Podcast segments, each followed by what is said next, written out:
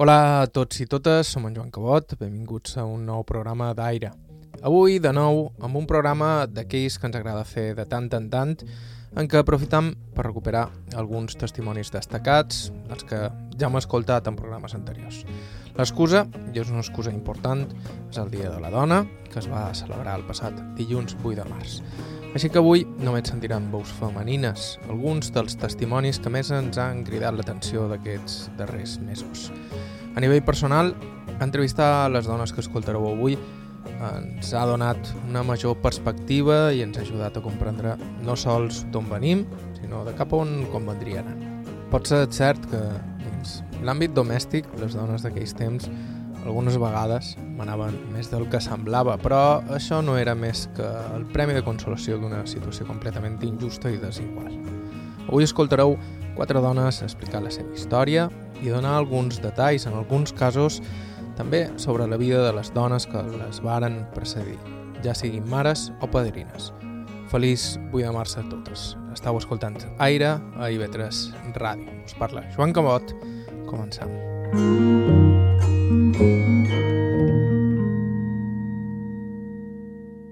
I ho faim amb el testimoni d'Antònia Pons, de Campanat, que va néixer dia 4 de setembre de 1920 allà mateix. La vida d'en Antònia estaria marcada per un fet tràgic, la mort de la seva mare, quan ella tenia només 4 anys, a més, en unes circumstàncies realment esgarrifoses. Aquest dia se va posar molt oscur, eh, a punt de ploure. I ma mare, perquè mon pare estava a l'Ajuntament allà, va dir, ara m'anirem a la caseta i tenia un parell d'animalets per donar menjar. Devia, si plou, no haurà d'anar. I me n'anàrem a la caseta. Quan va ser allà, se va posar un tron i mullants i, i llavors aigua, molta. I ma mare va tenir un garrover a davant de la caseta. I ma mare va fer massa sombreta a la soca del garrover. I llavors va posar a ploure molt i me va dir jo, no te moguis de dins la caseta. I me va deixar menjant una magrana. No te moguis d'aquí, vinc que jo torni. I te passa la sombreta, no se punyarà. Bé, i vaig quedar dins la caseta. I se va fer que, aquell llamp. Ja ella ja no la va tapar la somera. Ja, ja va quedar morta. I llavors la sombreta també morta. Me'n record que, que, que jo plorava i, i la, la estirava per braç i li deia xiquet, xiquet. Però no, aquesta gent va veure i me va dir sí.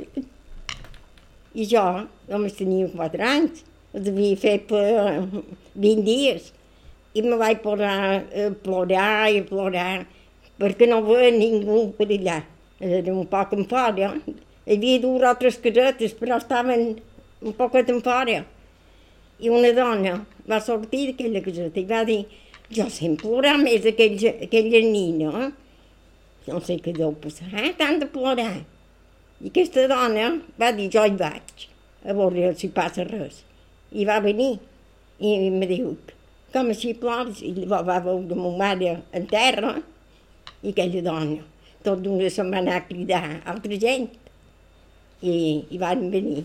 I tot el poble va, va davallar, perquè van anar a avisar a Campanet i tothom va venir.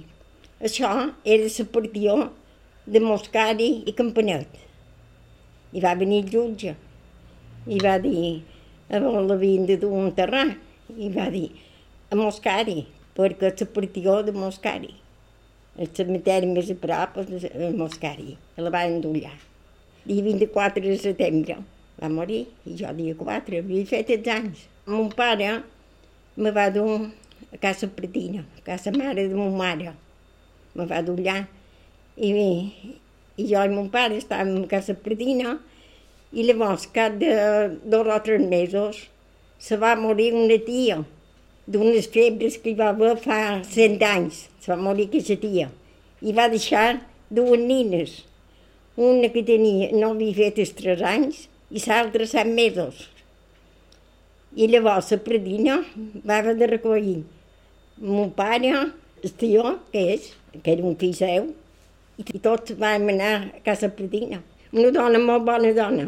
Allà en aquell temps podia, tenia i podia. encara sempre feia dimonis a, a, a, a altra gent. Jo sempre li deia, que dic, ell vol sempre donar coses. Diu, val més donar que si m'han de donar. És molt bona dona. És cap de temps, cap d'un parell d'anys. Mon pare va dir, he pensat de casar-me, per llavors feina, perquè tres, tres infants i, i dos, dos d'ells, diu, he pensat casar-me i vol llavors feina. I se va casar, mon pare. Però no se va entendre, al cap d'un parell de, de, de temps, se van separar. Ja me vaig tornar a casa Perdina i mon pare se m'anà a Buenos Aires. Quina edat teníeu quan el vostre pare es va tornar a casar? I, i jo no ho sé, quan tu en tenia sis o set, jo no ho sé, era petita, no me'n record jo ara. I mon pare llavors se'n va anar a Buenos Aires. I per no veure la que s'havia casat, se'n va anar i me va deixar a casa Perdina. Va, va venir un parell de vegades. Dues vegades va venir, almenys. Antes de jo combregar, va venir i me va fer el regalo. I me va dir, ho sents, jo me n'he d'anar perquè no puc estar aquí. I se'n va anar. I me, me va regalar un rellotge i unes orquilletes d'or i un parell de coses. Se'n va anar allà. I el cap de temps me va enviar dos bes.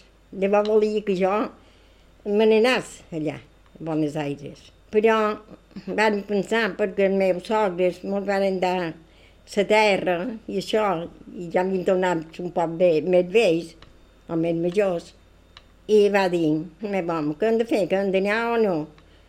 I jo vaig dir, voldria més que el vengués, me'l volia tots. I ara nosaltres vam anar d'allà, allà, i llavors, havies d'anar en barco, i havies de estar un mes. Un mes per anar i un mes per tornar, quasi que no podíem estar allà. I ja no me'n vam anar. I jo li vaig dir que ell vengués, perquè mon pare me volia enviar dos bes per, per el món. No. Jo li vaig dir, no, trobo que vos més venir.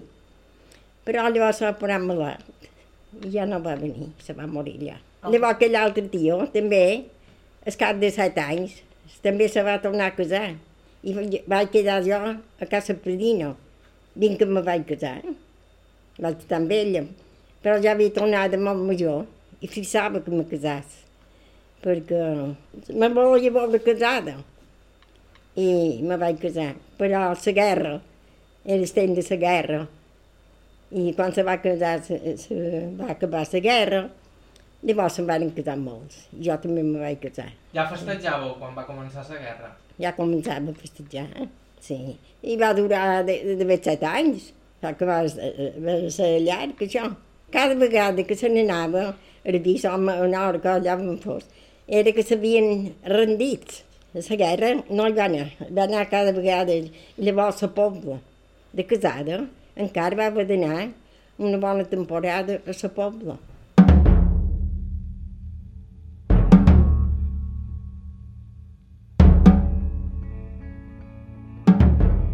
Home nascut l'any 1920 suposa moltes coses, entre elles, però haver viscut la Guerra Civil amb una edat prou avançada com per entendre moltes de les coses que passen al teu voltant. És també el cas d'Antònia Femenies, també nascuda aquell any, i a qui vàrem entrevistar a Bunyola a finals de 2020. Ella recordava perfectament els fets de 1936. I bé, a la casa, al carrer de Cama Mare, de Cama Mare, perquè ja Dic, la padrina i ma mare. Mm. En el carrer de Can ma mare perquè eren 11 març. I és ben curt. Abans d'anar una, no, un avió que va passar. Mm. Un avió a Can Nostra. Eh? Hi havia les meves germanes van sortir, que predaven. I la mare anava a l'avió en el carrer més amunt, perquè ma mare estava més avall. I van sortir corrents, ara passen l'avió, no hi havia cap. Eh, van anar allà i va passar l'avió.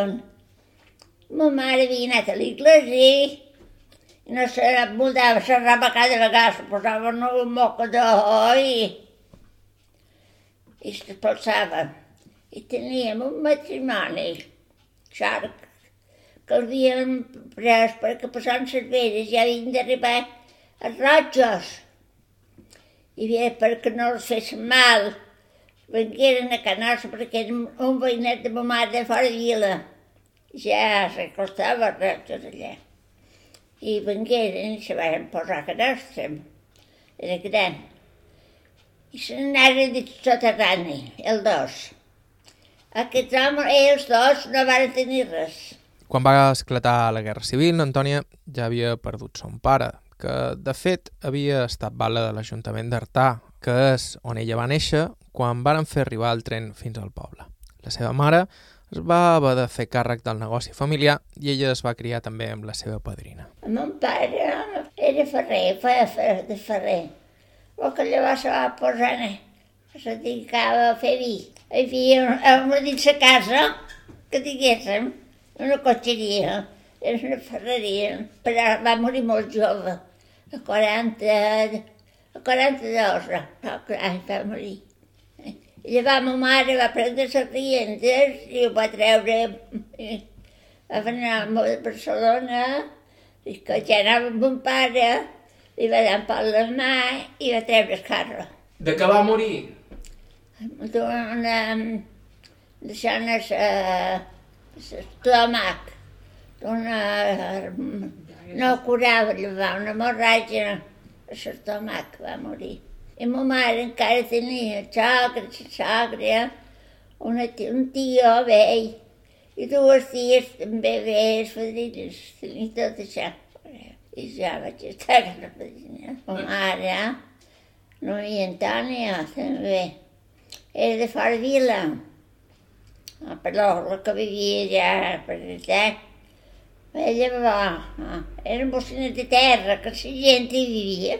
Ma mare va ser una dona de ferro i era sorda com una massa. No hi sentia? De bé, però no, no, no, no. I va tenir una mitja també, que no anava a missa ni creia res. No. Però un home que apuntava tot el que pesava, no apuntava. Ma mare apuntava, però ell no. Quan passaven comptes, no xerrava ni de, ni de res aquell home. De coses grosses. eh?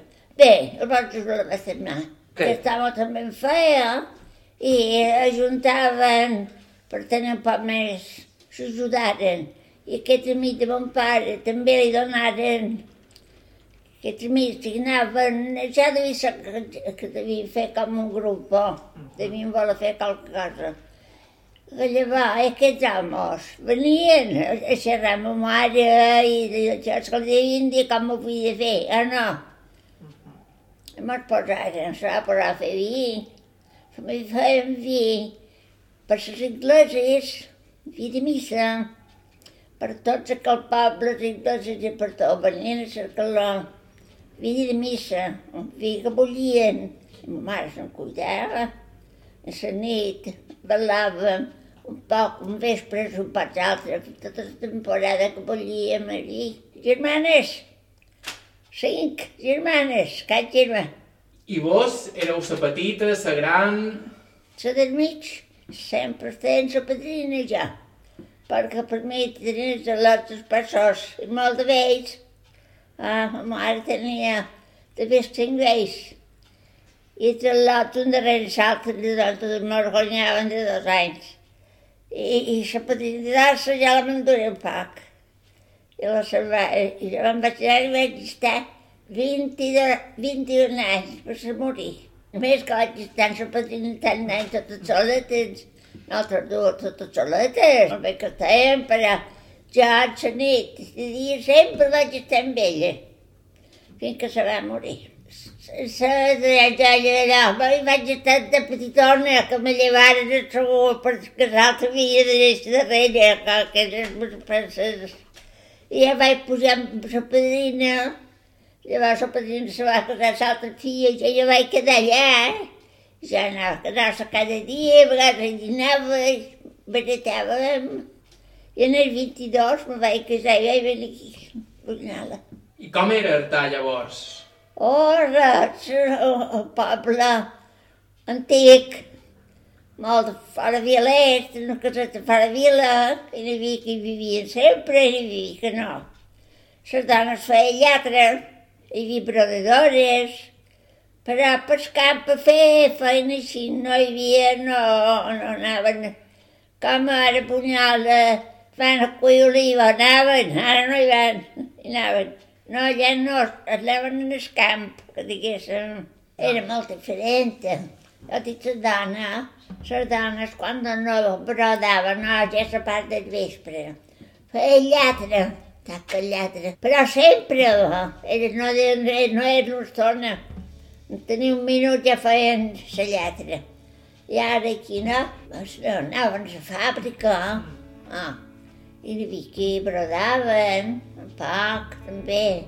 I la fàbrica se menjava molta gent, perquè havia sabó a Canadà i l'altre es menjava molta gent jove. Eh? L'altre anava a cuir oliva. Eh? Era Antònia Femenies, segon dels quatre testimonis que escoltarem avui en aquest programa que, amb motiu del 8 de març, dedicam a recuperar la veu d'algunes de les dones que m'han entrevistat en els darrers temps. Estau escoltant Aire a IB3 Ràdio, fem una breu pausa i continuem.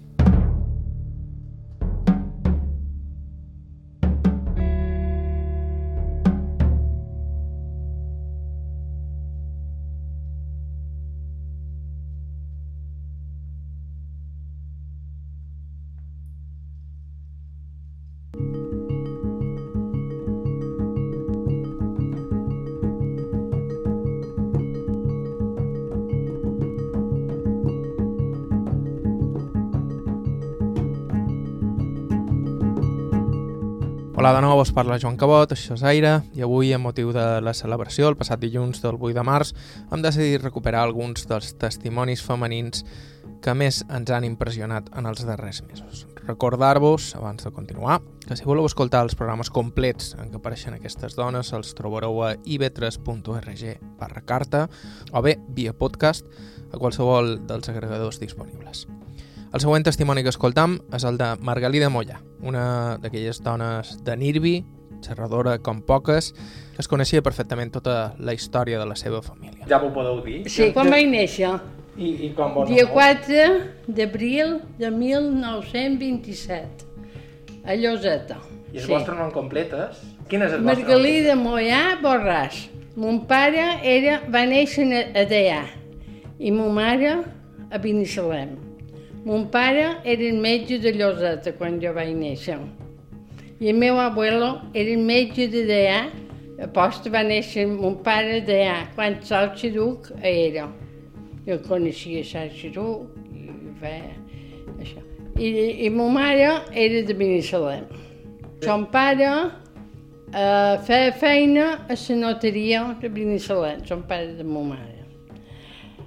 I, I el meu predí també era metge, no m'hi Baltasar Mollà, també com mon pare. He, he conegut set Baltasar Mollà, conegut no, ten referència, perquè eh, el, predí, el predí de mon pare no l'he conegut.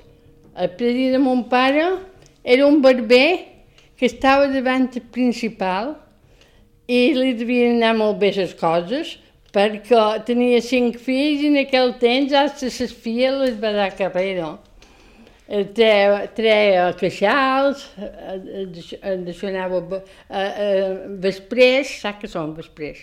Saps que joves no sabeu moltes paraules, jo les cerc, i la meitat de paraules no sabeu què se diuen. Vesprers són un gran que sortien, ara no n'hi ha perquè sabeu que en la penicil·lina, moltes malalties, que sortien per escoll, per darrere escoll, eren un granots així, principalment en els homes, i les havien de xapar. Igual que les ventoses, sap que eren ventoses. També posaven ventoses quan tenien la sang alta per baixar la sang. I, aquest, i el meu repredí, repredí, ho feia. I estava, a fins ara s'ha conservat allà on tenia eh, la barberia, però ara ja fa un parell d'anys la van esbocar. En el cap de cantó, ben davant el principal, hi havia com un, hi ha un, un de dueres ara, però hi havia com un entresuelo, que era allà on estava. El predí meu era metge i se va morir l'any del grip, l'any de nou, quan hi va haver aquella gripada. I tenia 60 anys i feia de metge a Binissalem. Aposta, mon pare va conèixer ma mare a Binissalem. Mon pare sempre deia que havia fet la comunió a l'Aró. Sabeu que quan, quan tenia 6 o 7 anys, no sé quan la va fer, se'n va anar de metge a l'Aró, perquè la meva abuela Gironi, la mare de, del metge, era de Binissalem, era de Can Jaitit, era de Can Barradó. Son pare era... Bastant autoritari, però tenia debilitat per jo, això sí. Ma mare no, ma mare era al revés, ma mare era una dona dolça, carinyosa, molt, tenia por de tot, i mon pare sempre mandava, sempre mandava. A mon pare era molt machista, i, i era, molt, era molt franquista, perquè a nostra sempre hi va haver el retrat d'en Franco penjat dins el menjador però en canvi tenia molt d'amics republicans i quan es va estallar la guerra a Lloseta no varen matar ningú perquè mon pare i la Cònamo varen fer costat a tots els que eren republicans. I el veure que hi havia, quan va estallar la guerra, se va amagar, va desaparèixer.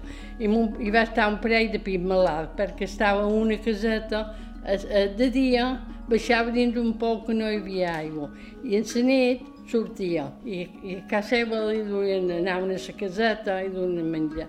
I va estar un parell de pit malalt i mon pare el va anar sempre a visitar i mai i va estar 30 anys o això amagat. Havia, ja feia molt de temps que havia acabat la guerra i encara no va sortir. No sé quant d'any va estar, molt d'any. Jo, quan va començar la guerra, tenia 8 anys. I estem de la guerra, a Lloseta no, no, no van sofrir, bueno, després de la guerra molta fam va haver a Lloseta, però al temps de la guerra no van passar molta pena perquè només m'ho van fer pintar vidres o posar un papers perquè no vessin la claror.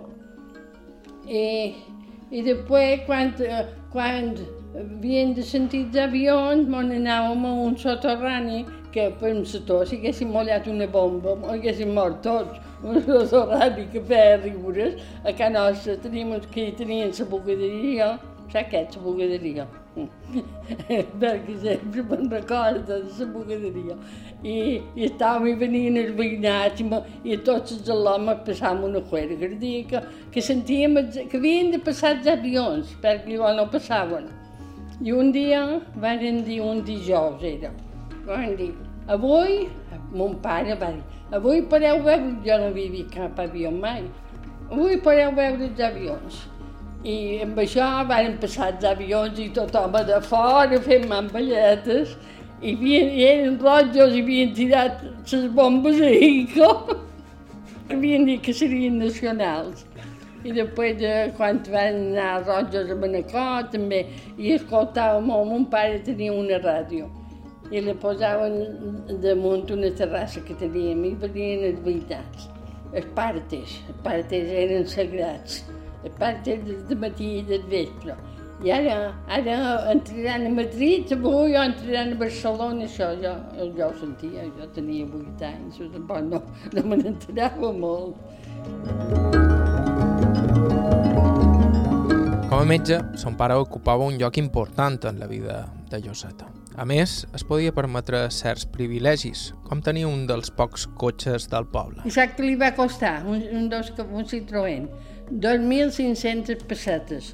Jo ten, tens la factura, la tenc en aquest llibre que, que li vaig fer, que no és un llibre, és que dic naixements, expedients, llavors quan me'l van casar, això, ha la factura d'aquest cotxe, que era un, un Ford, m'apareix, o un Seat, un Seat, de dos cavalls. I l'idea, la factura era 2.500 pessetes. En aquell temps devia ser l'any, l'any 24 se va casar i ja el tenia, entre final de 23 principi de 24.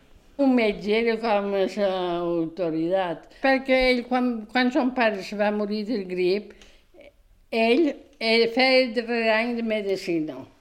I, i quan va acabar, perquè va, va treure la titular, era el més antic, de, va ser una temporada el més antic de Mallorca, va treure la titular, el metge titular, i, i el van destinar a Calvi, a Escat d'allà, Escat d'allà, i va estar dos anys.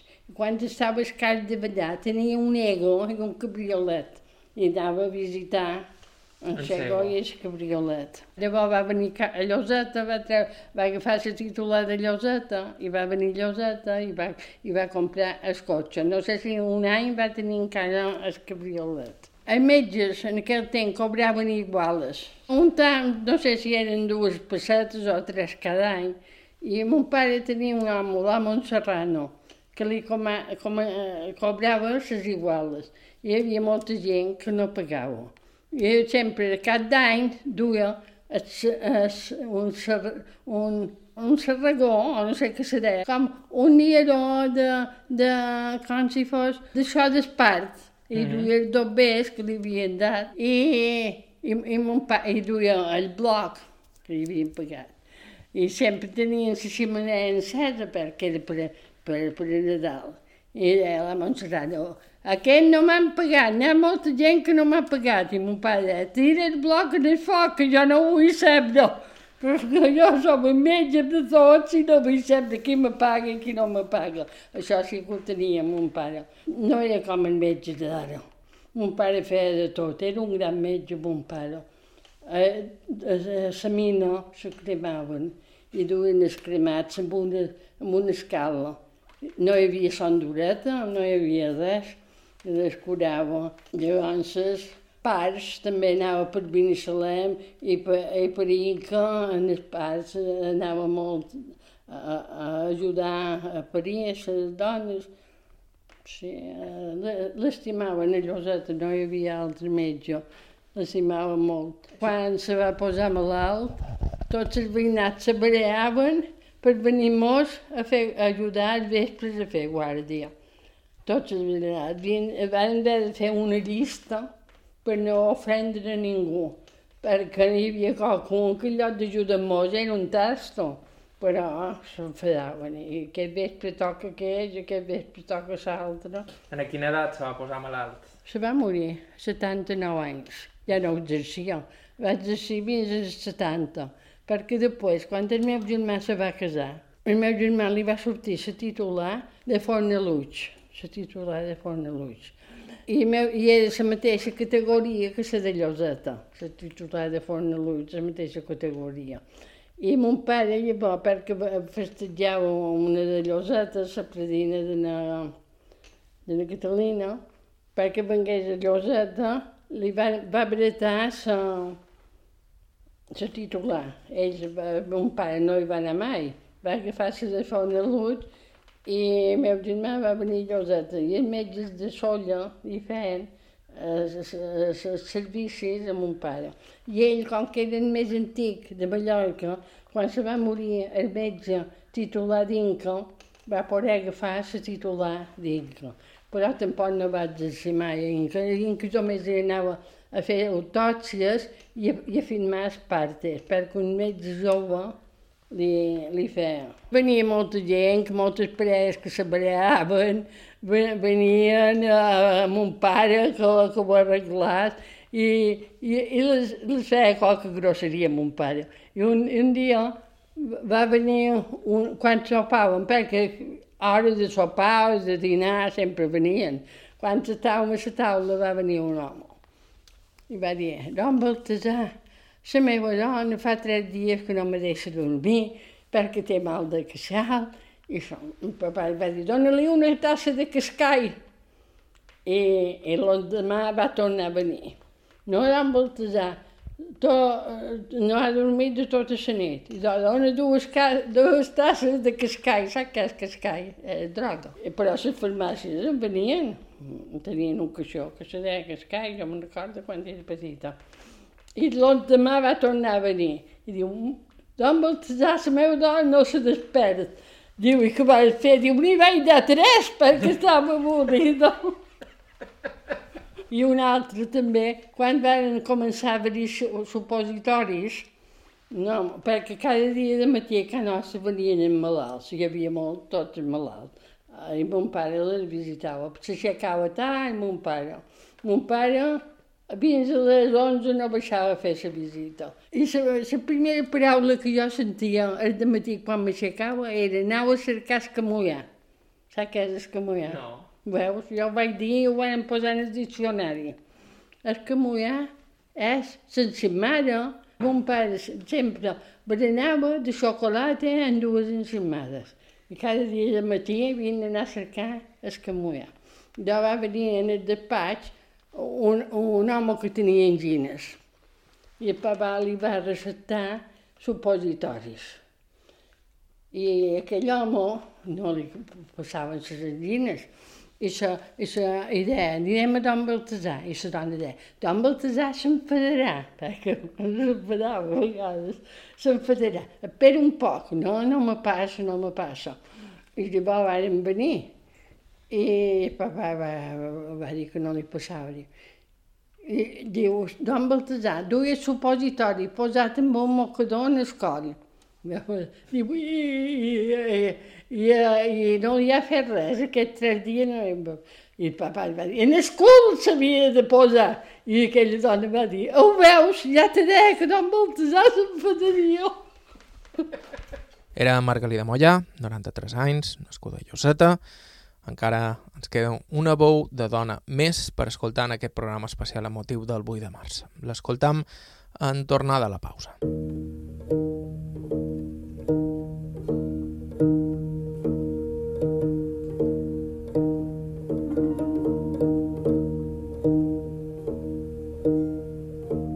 Hola de nou, aquesta és la sintonia de IB3 Ràdio, això és Aire, som en Joan Cabot i avui nosaltres hem aprofitat la proximitat del 8 de març, Dia de la Dona, per rescatar alguns dels nostres testimonis femenins preferits. Abans d'escoltar el darrer, pues recordant que contínuament estem cercant testimonis interessants, gent que ens pugui parlar de com eren les coses abans o que hagi viscut fets insòlits o simplement personatges amb històries de vida interessants.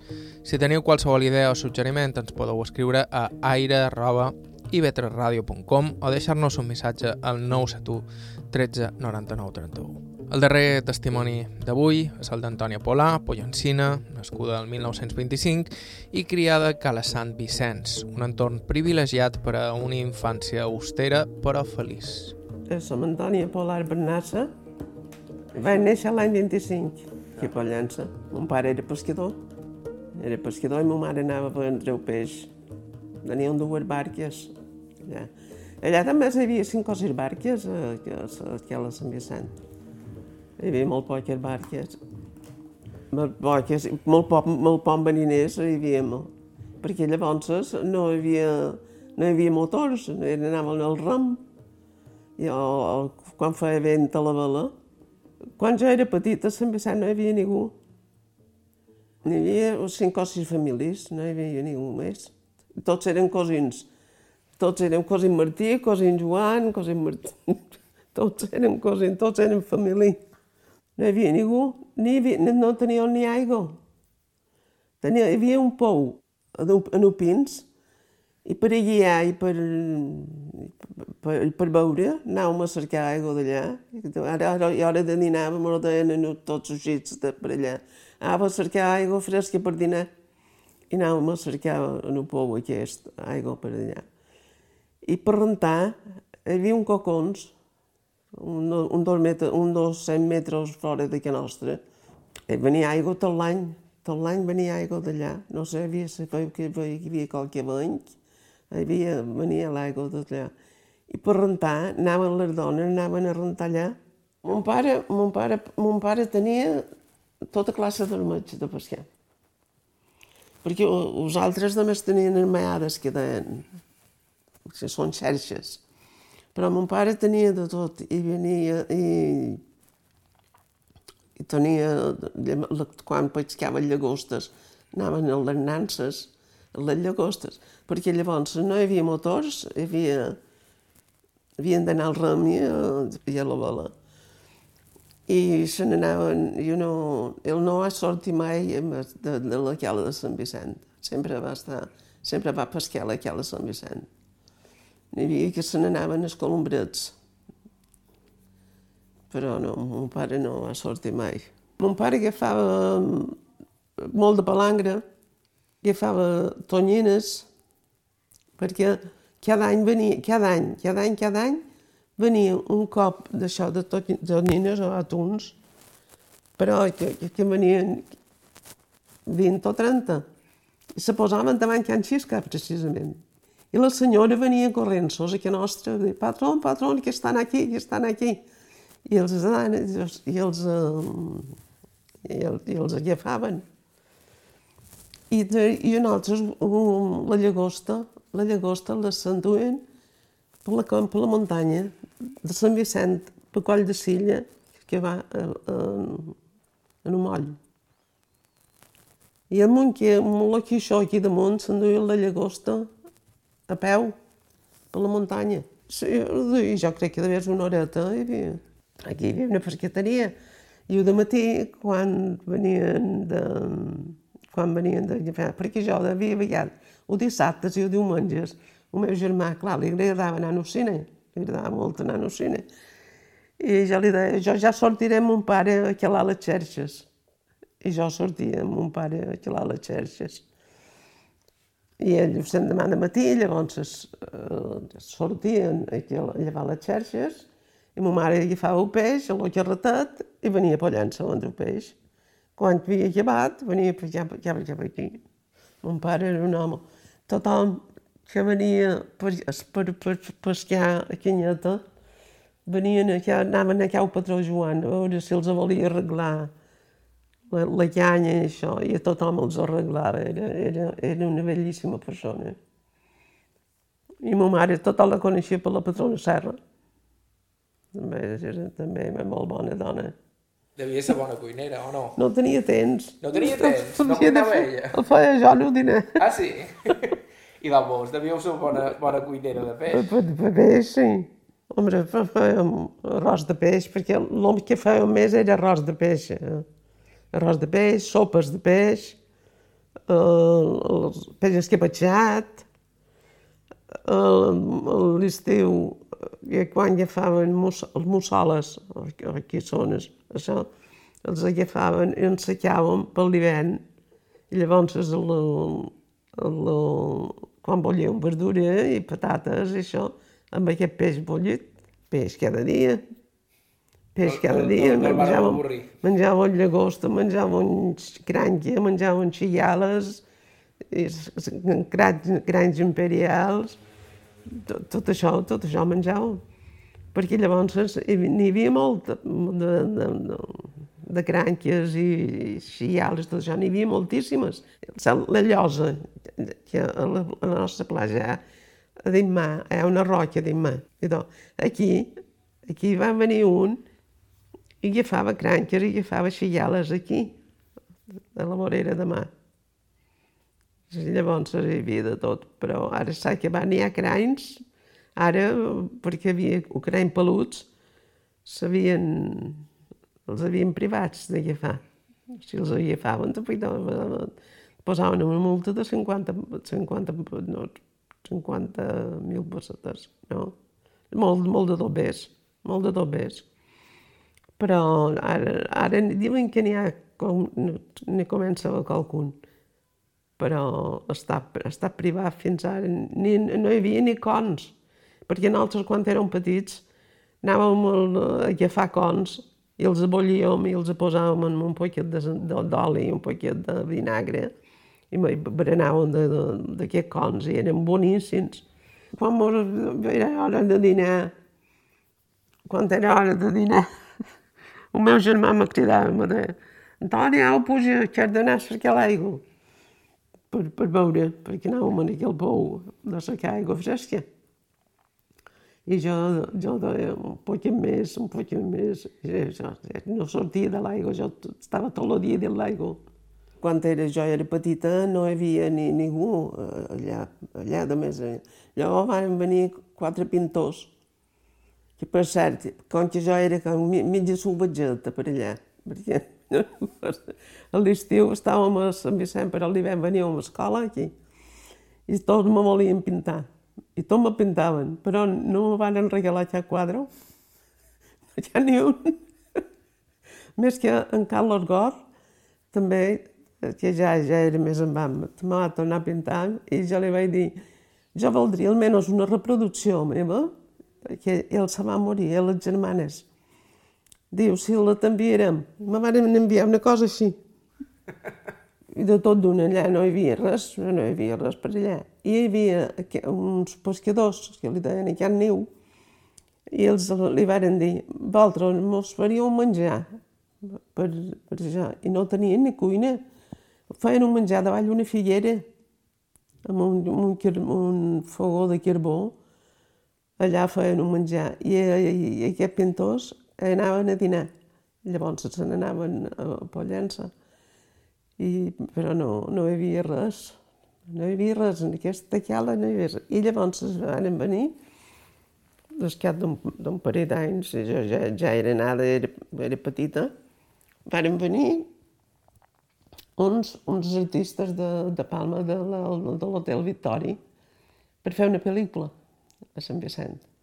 I era, d'això havien d'anar a Cala Molins, que hi havia un torrent a rentar allà, i estaren una setmana i feren aquesta pel·lícula, llavors dinar, ah, dinaven a nostra, duien, els duien un dinar fet de l'Hotel Victori, eh, dinaven a nostra i se vestien a nostra i ells estaven una setmana i llavors se n'anaren. I jo per ventura tenia 5 o 6 anys. No tenia més. Teníem un carro i una somera. Ma mare venia cada dia, cada dia a vendre peix amb aquest carretet i la somereta. Venia a vendre, venia a vendre peix aquí. I llavors va venir un senyor, que li deien un senyor Bordoi, i no, a Cala Molins no hi havia cap, cap casa més que una, la, la que en Xisca, que era d'uns senyors de Pollença. I aquest, i aquest Bordoi va fer un pou, allà on l'Hotel Molins, va fer un pou. Va trobar molta d'aigua. I llavors va fer, va dir, doncs jo, jo, jo ja m'arreglaré, i va fer uns soferets a darrere el cimer, a damunt d'aquella muntanyeta que va fer un sofereig. Se va posar a fer xalets i em va fer de vestís. I, i, i estava, i els venien, primer se, preferen, se feren un seu primer, i després feren nosaltres i els varen vendre tots. I, hi havia aquests xalets, hi havia pots, cinc o sis, també, hi havia. I, i, ah, i venien a que nostra, venia de patrona, mos guardareu peix demà. Deia, sí. I de, na Tonina, que jo me deien Tonina, no me deien Antònia, me deien Tonina ells, l'únics que me deien Tonina. La me'ls, me'ls adurar, la, la, la Tonina. Diu, sí, ja els adurar. Me n'anava i me donaven un duro de plata. Cada vegada que anava me donaven un duro de plata, jo més contenta. I, i van fer aquests xalets i fa, després va estallar, ja, ja va estallar la guerra d'escat de poc temps. I van, un dia, quan ens vàrem aixecar, vàrem trobar dos soldats en un, en un, en un portal i no, no eren soldats, eren presos, que havíem vingut un batalló i estaven en upins hi havia, estava la carretera enmig, estava aquí hi havia soldats i aquí hi havia també tots soldats. I, i ma mare la, la carretera havia de passar per mig i els jo no, no teniu res per vendre, no teniu res per vendre.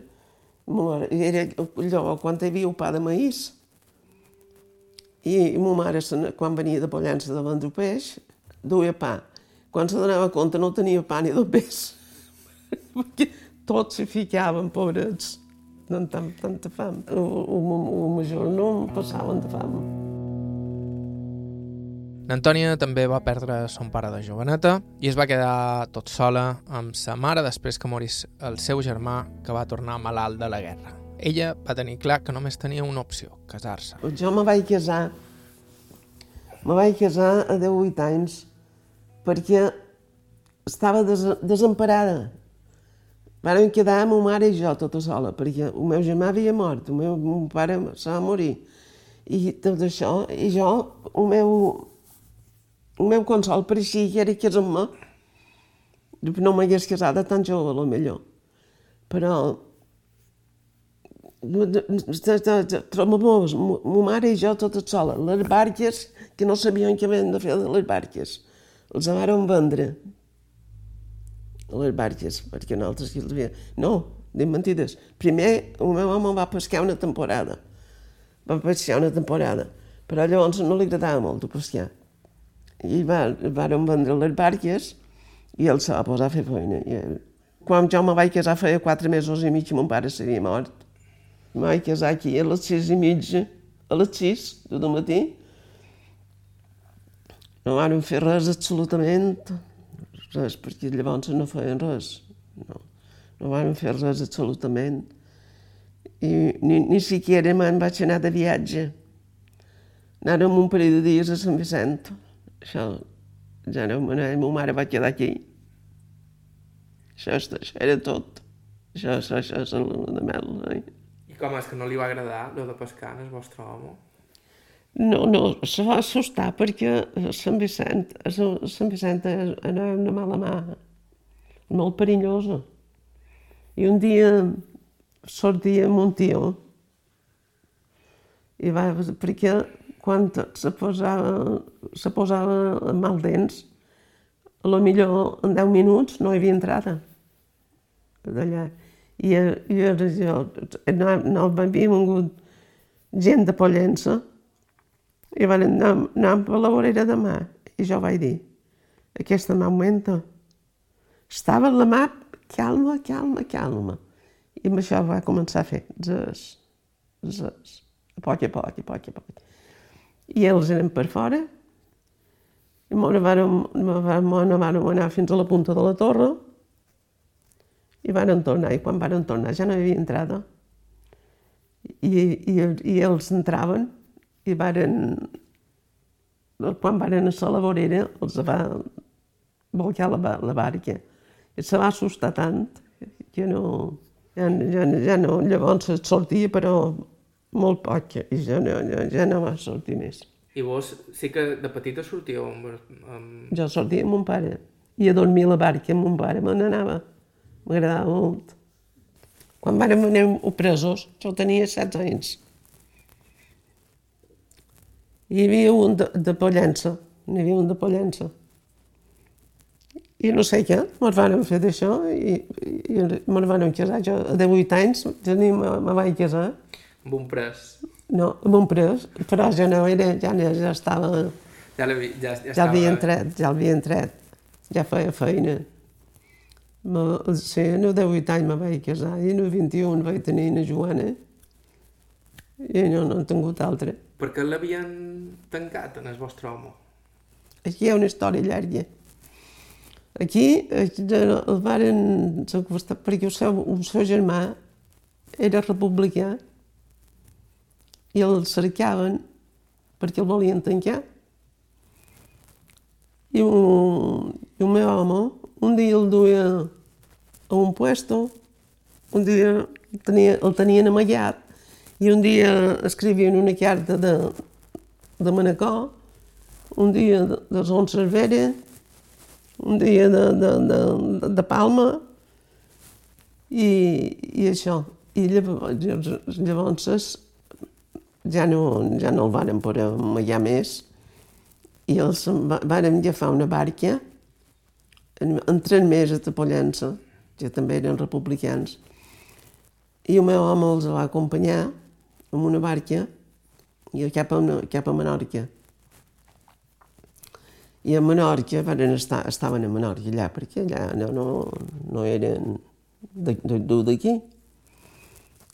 I quan i, i el se va voler, que, que no m'hi Martí, el seu germà, se'n va voler anar de, de Menorca, a Ciutadella, a Ciutadella estaven, se'n van voler anar a Barcelona. I amb un barco se'n va anar a Barcelona. I això ho va fer un parell de vegades. Però una vegada el agafaren i el van endur a Palma aquí i el van fusilar. I aquí se va acabar la història. Clar, el meu home se va quedar per allà.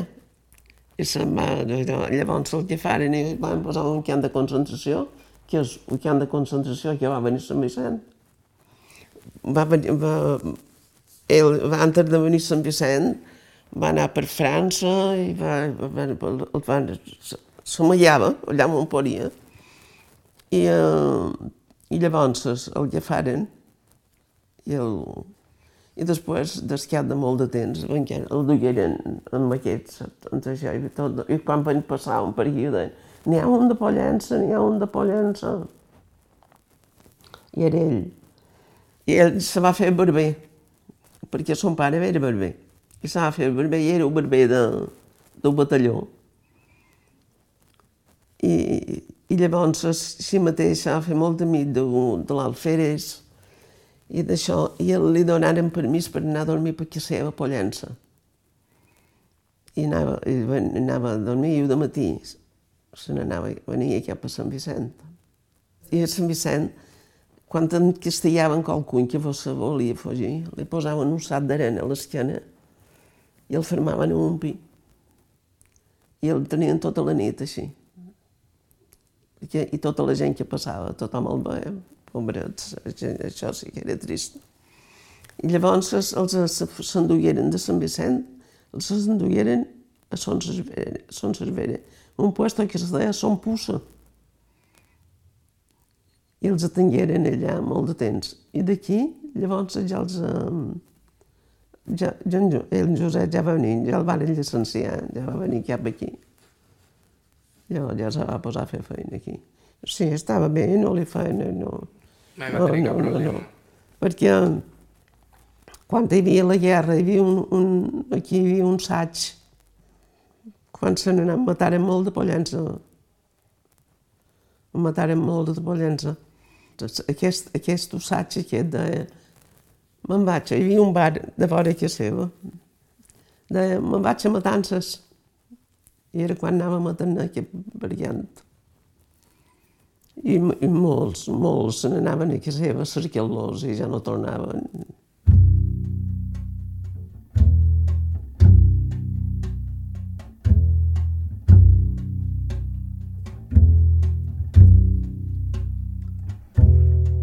En les paraules d'Antoni Polà arribem nosaltres al final del programa d'avui. Com sempre, moltíssimes gràcies a tothom que m'ha entrevistat i a la gent que ens va facilitar aquestes entrevistes.